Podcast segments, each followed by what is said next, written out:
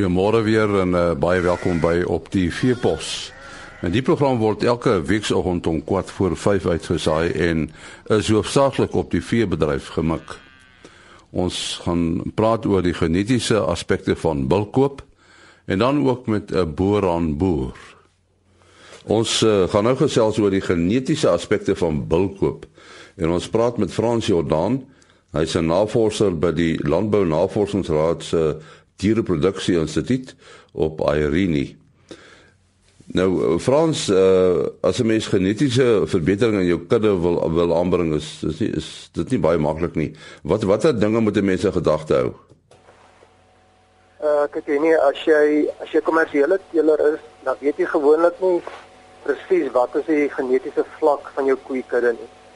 Maar 'n stoetteeler is in die gelukkige posisie dat hulle die die die teelers wat prestasietoetsing doen ehm um, het gewoonlik uh, jaarliks kry hulle 'n verslag wat teelwaardes uh, bevat en wat hulle mooi verduidelik presies die genetiese potensiaal van elke koei in sy kudde.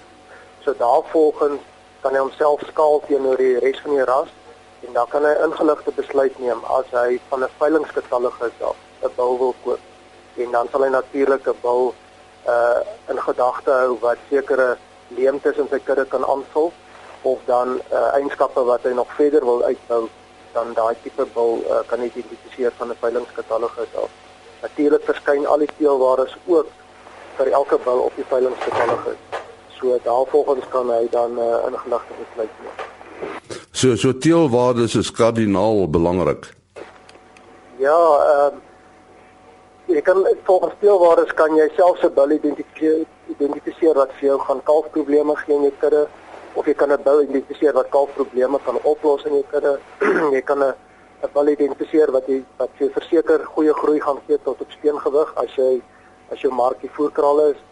Jy kan 'n bil identifiseer wat melkproduksie kan verhoog in jou kudde wat natuurlik dan ook uh, hoër steengewigte kan beteken in jou kudde. So sonder teelwaardes kan jy net met die oog sien en met die oog wat die die die probleem is as jy op die oog besluit om 'n bil te koop hulle wat in die veilings uh kraal staan is gewoonlik baie mooi gevoer, vet gevoer en almal vertoon mooi op die dag en as jy terug aan plaas toe dan sukkel daai bil as hy op onder ekstensiewe uh toestande uh dit moet werk en so aan. So ja, jou genetika kan jy net uit 'n veilingskatalogus met deur middel van teelwaardes kan jy daai bil uit En en, en kan die teelwaardes van verskillende rasse uh, met mekaar vergelyk word? Nee, nie glad nie. Ehm um, omrede teelwaardes word bereken per ras. So dit is een spesifieke datastel wat die navorsers mee werk vir 'n ras as hulle teelwaardes bereken en daar is natuurlik ons nou nie uh koppelings oor rasse. So daar word nie bulle uitgerou oor rasse nie as ons van stoet uh teeling praat. So jy kan net binne ras uh, hulle met mekaar vergelyk en 'n plus 5 kg teelware vir speen beteken uh, en jy vergelyk hom met 'n plus 5 van 'n van 'n ander ras. Jy kan dit nie doen nie omrede jy weet nie wat is die ras gemiddeld.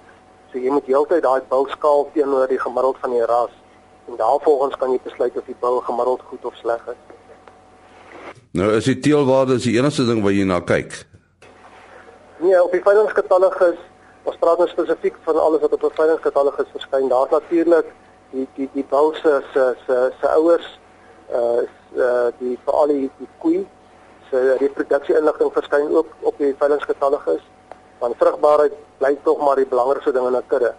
En daar kan jy die bil identifiseer wat se ma goeie uh reproduksie eienskappe het, soos byvoorbeeld ouderdom eerste kalf, tussen kalfperiode ensovoorts. En en julle daar by die RNR kan kan julle boere help om die om die regte keuse te maak as as bulle aangekoop word. Ja, verseker, ons het in elke streek, uh, ons het streekskantore wat wat teelers kan kontak. So gewoonlik jou streekskantoor wat die naaste aan aan daai spesifieke veiling is. En dan natuurlik uh, van mense myself op kontak by uh, op Arini. En dan ehm um, Ja, die die groot ding is net met 'n veilingskatalogus, dit is belangrik om die die die veilingsbrosjure voor die tyd in die hande te kry. Uh teelers wat wat veilings aanbied, het gewoonlik brosjures wat hulle weke voor die tyd versprei. en daarvolgens kan jy dan al klaar met uh, iemand van die LNR gaan sit en uh, hulle gaan uitsoek net op syfers. En dan as jy dan veiling toe gaan, dan kan jy net visueel kyk na die mooiste bil van uit jou portlys uit wat dan aan jou uh teen wil doelwitte voldoen. En Frans jou telefoonnommer? My telefoonnommer, uh kan my kantoornommer is 012 672 9085. Sê hom weer. My kantoornommer is 012 672 9085. As hy Frans Jordan van die RNR se uh, diereproduksie instituut by Irene oor uh, genetiese aspekte van bulkoop. Ons uh, gesels nou met uh, Bux van der Berg. Hy boer met borane op uh, die Burn Valley borane en uh, uh, ons gaan met hom praat oor 'n veiling wat wat môre plaasvind. Uh voor ons oor die veiling praat uh, Bux, uh, hoe lank boer jy al met borane? Nee man, dit gaan nou vir 10 jaar wees. Nou hoekom het jy die ras gekies? Nou kom die boran gekies.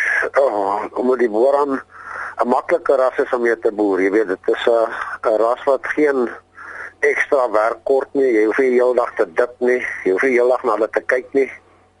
Hulle het 'n baie sterker instink. Jy weet, hulle doen 'n natuurlike drukbeweiding. Hulle kalf maklik. En is uh, en is 'n mooi bees, nê. Nee. Dit dit is 'n Afrika bees, nê. Nee. Ja, dit is 'n dit is 'n Afrika bees. Hy kon staan daar in die Ethiopiese hooglande, die Borane plateau. En die Keniaanse boere het hom toe maar verder gevat en hom deur uh, beter seleksie het hulle beter Boraan ontwikkel wat man weer vir vleis is wat hulle ook nou later gekry het met hulle Taurus rasse wat hulle in die van Engeland af Kenia toe gebring het en ons beter gedoen. So ja, hy's nou al 1300 jaar dan bietjie langer nou, 1300 plus jaar wat hy in sy huidige vorm is. Uh, word dit as 'n medium ram dier beskou? Dit is 'n dit is dit hang af van omgewing, van hulle ja, jy kan sê dit is 'n medium ram uh, dier, maar in die harde omgewing bly hy maar effens kleiner want hy pas by sy omgewing aan. Dit is sy aanpasbaarheid is 'n baie sterk eienskap van die die boeran. So die manne boer landwyd met met hierdie ras. Nou kyk ek kry hom oral en hy maak maak sy pad oor. Jy kry hom nou van Mosambik af deur tot bo in die Kalahari is daar mense wat met hierdie uh, ras boer. En ehm um, hy is 'n sterk ras, hy het 'n natuurlike weerstand teen Afrika uh parasiete, hartwater, rooi water, galsiek. En dit is dit is wat hom sterk wees maak. Hoe groot is jou kudde? En nie man, ons het so 400 plus bees hier so as jy nou alles insit en uh, dit sluit nou billetjies en kalfies in en as jy dit nou terugver na groot vee eenhede toe as jy na die omskakeling doen dan is dit so 330 groot vee eenhede. En ons boer op so 250 hektaar en so ons werk omtrent so 0.6.7 hektaar per groot bees uit. Dit is groot vee eenheid uit. Nou kom ons sê selfs 'n bietjie oor môre se veiling. Wat is die aanbod? Maandag gaan 26 plus goeie bulle wees uh, op die op die veiling. Uh en daar 35 goeie vroulike diere en hulle sal almal of dragtig of met 'n kalf wees. En uh die dit is uh die genetika is wyd versprei. Jy weet so jy kan enige van die ouens wat nou bestaande uh stoetelers is gaan dan kan genetika kry wat hy nie dalk het nie en dalk kan hy net nog genetika kry wat hy wil wil hê. Jy weet, dit is uh dit is waar ons na kyk. Ons het die genetika redelik wyd gemaak vir hierdie vir hierdie veiling. Uh, uh ek neem aan dit is nie die eerste veiling wat jy hou nie. Maar dit is ons tweede produksie veiling uh wat ons nou ons eie as dit nou altyd saam met ander mense verkoop maar ons hou nou ons eie produksie veiling. Ons het verlede jaar ons eerste produksieveiling gehad by Kroonstad. Dit het redelik goed gegaan, gegaan daar by die Kroonbome. Maar ons maar ou maar hierdie jaar bietjie nader. Uh want uh die plek wat nou gebou is, Heritage Farming het 'n doelgerigte veilingsfasiliteit opgerig hierso so 30 km van my af en nou moet dit maar gebruik. Dit is 'n goeie fasiliteit.